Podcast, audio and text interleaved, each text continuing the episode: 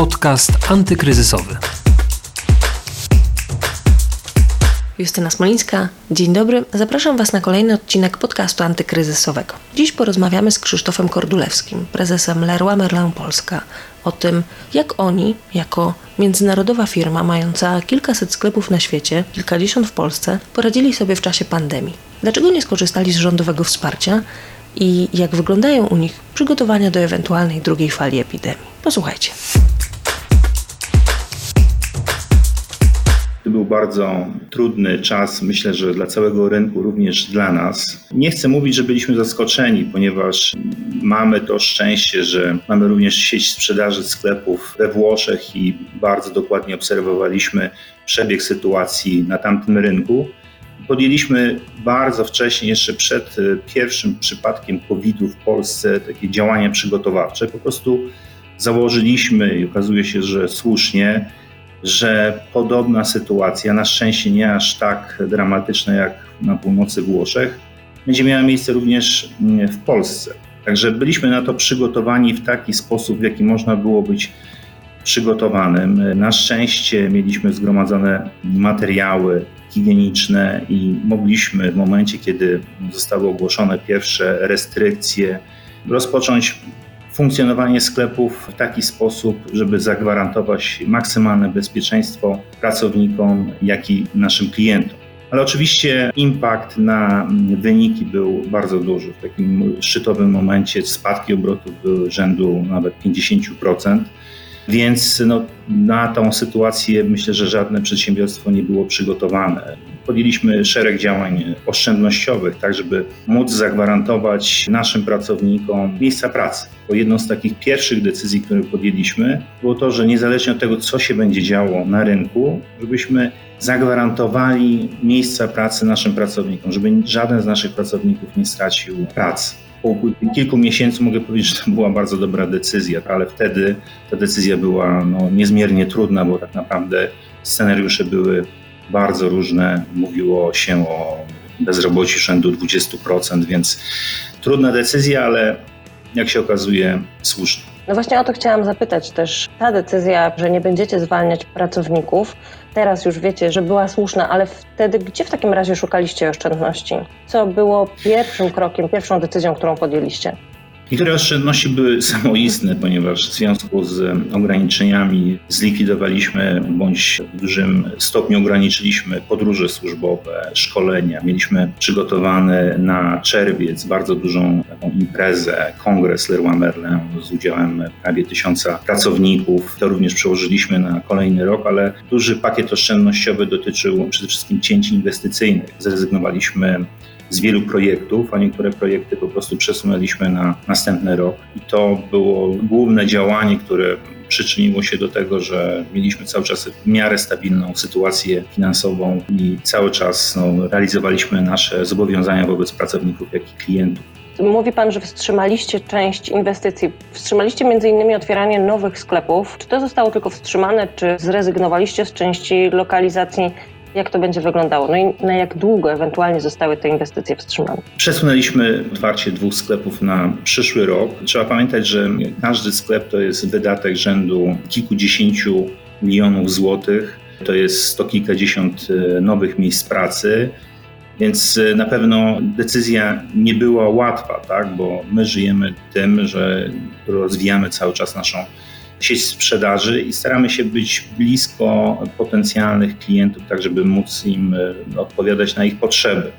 Decyzja trudna, ale chyba najlepsza z możliwych. Lepiej ciąć inwestycje niż miejsca pracy. Te sklepy otworzymy w przyszłym roku i myślę, że no mam nadzieję, że w przyszłym roku sytuacja wróci do normy. Będziemy mogli w dalszym ciągu otwierać nowe sklepy w tym rytmie, który sobie założyliśmy, czy otwarcie czterech, pięciu nowych sklepów rocznie, bo cały czas na polskim rynku są potrzeby związane z rozwojem sieci sprzedaży, sklepów remontowo-budowlanych. Czy pandemia coś zmieniła pod tym względem? Czy sprzedaż stacjonarna nadal, czy z niej najchętniej korzystają klienci, czy na przykład powinno się teraz bardziej stawiać na online, na dostawy do domów? Jak to wygląda z Pana perspektywy?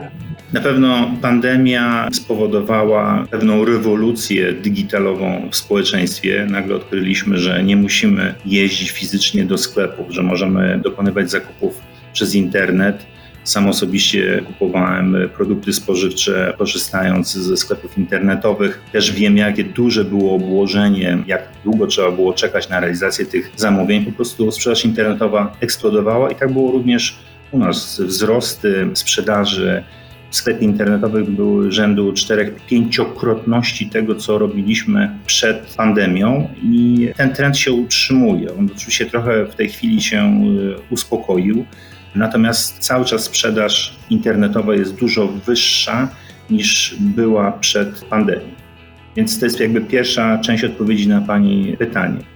Pandemia na pewno skłoniła i skłoni w przyszłości y, firmy do inwestycji właśnie internet, inwestycji w rozwiązania digitalowe, tak żeby klient mógł po prostu korzystać z oferty sklepów e, przez internet, ale uważam też, że w przypadku naszej branży cały czas rola sklepów stacjonarnych będzie bardzo duża. My sprzedajemy produkty inwestycyjne i tak jest z produktami inwestycyjnymi, że klienci często chcą zobaczyć produkt na własne oczy. Tak? Internet jeszcze tego nie daje. Inaczej wygląda nie glazura w internecie, inaczej jeżeli dotykamy ją, patrzymy faktycznie jaka jest faktura, jaki jest kolor.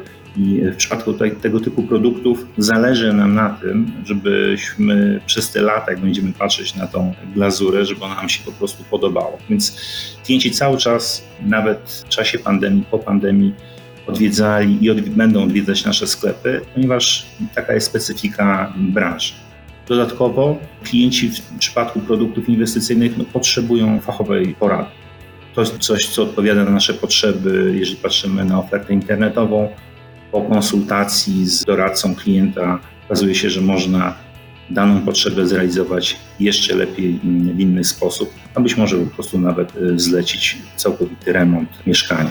Z Waszej perspektywy, właśnie tej firmy dużej, międzynarodowej, mającej kilkaset sklepów w różnych krajach, jak Pan ocenia sytuację polskiej branży, właśnie tych sklepów budowlanych i jak polskie firmy wypadają na tle Europy? Czy my mieliśmy większe, mniejsze problemy od pozostałych? Myślę, że na tle Europy wypadamy bardzo dobrze. W Polsce cały czas buduje się bardzo dużo mieszkań, bardzo dużo Polacy wydają na poprawę swoich warunków mieszkaniowych. To jest pewnie gdzieś tam pokłosie pewnych zaległości historycznych, bo jak patrzymy na statystyki cały czas e, ilość mieszkań przypadająca na jednego Polaka jest dużo mniejsza niż w krajach e, zachodnich, czy nawet w Unii Europejskiej. Jesteśmy bodajże na ostatnim czy przedostatnim miejscu.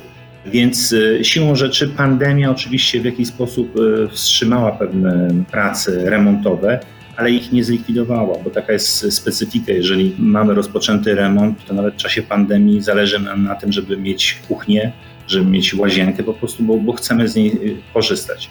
Więc na tle innych krajów europejskich sytuacja Leroy Merlin była dobra, była lepsza i myślę, że też dotyczy to całej branży sklepów materiałów budowlanych i remontowych. Wy nie skorzystaliście z tego wsparcia, z tarczy antykryzysowej. Wasza firma nie skorzystała. Co Was przed tym powstrzymało i takim razie jakiego wsparcia postanowiliście skorzystać, czy sami sobie postanowiliście radzić? Przede wszystkim jesteśmy wdzięczni za to, że mogliśmy funkcjonować. Oczywiście były bardzo duże ograniczenia. Przypominam o chociażby o wprowadzeniu limitu ilości klientów, trzykrotności ilości kas w sklepie, ale mogliśmy funkcjonować i w momencie, kiedy możemy funkcjonować, tak naprawdę mamy sprawy we własnych rękach i nie chcemy wyciągać tych rąk po pomoc publiczną. Wiemy, że jest bardzo dużo polskich przedsiębiorstw, które musiały być zamknięte taką pomoc potrzebowały.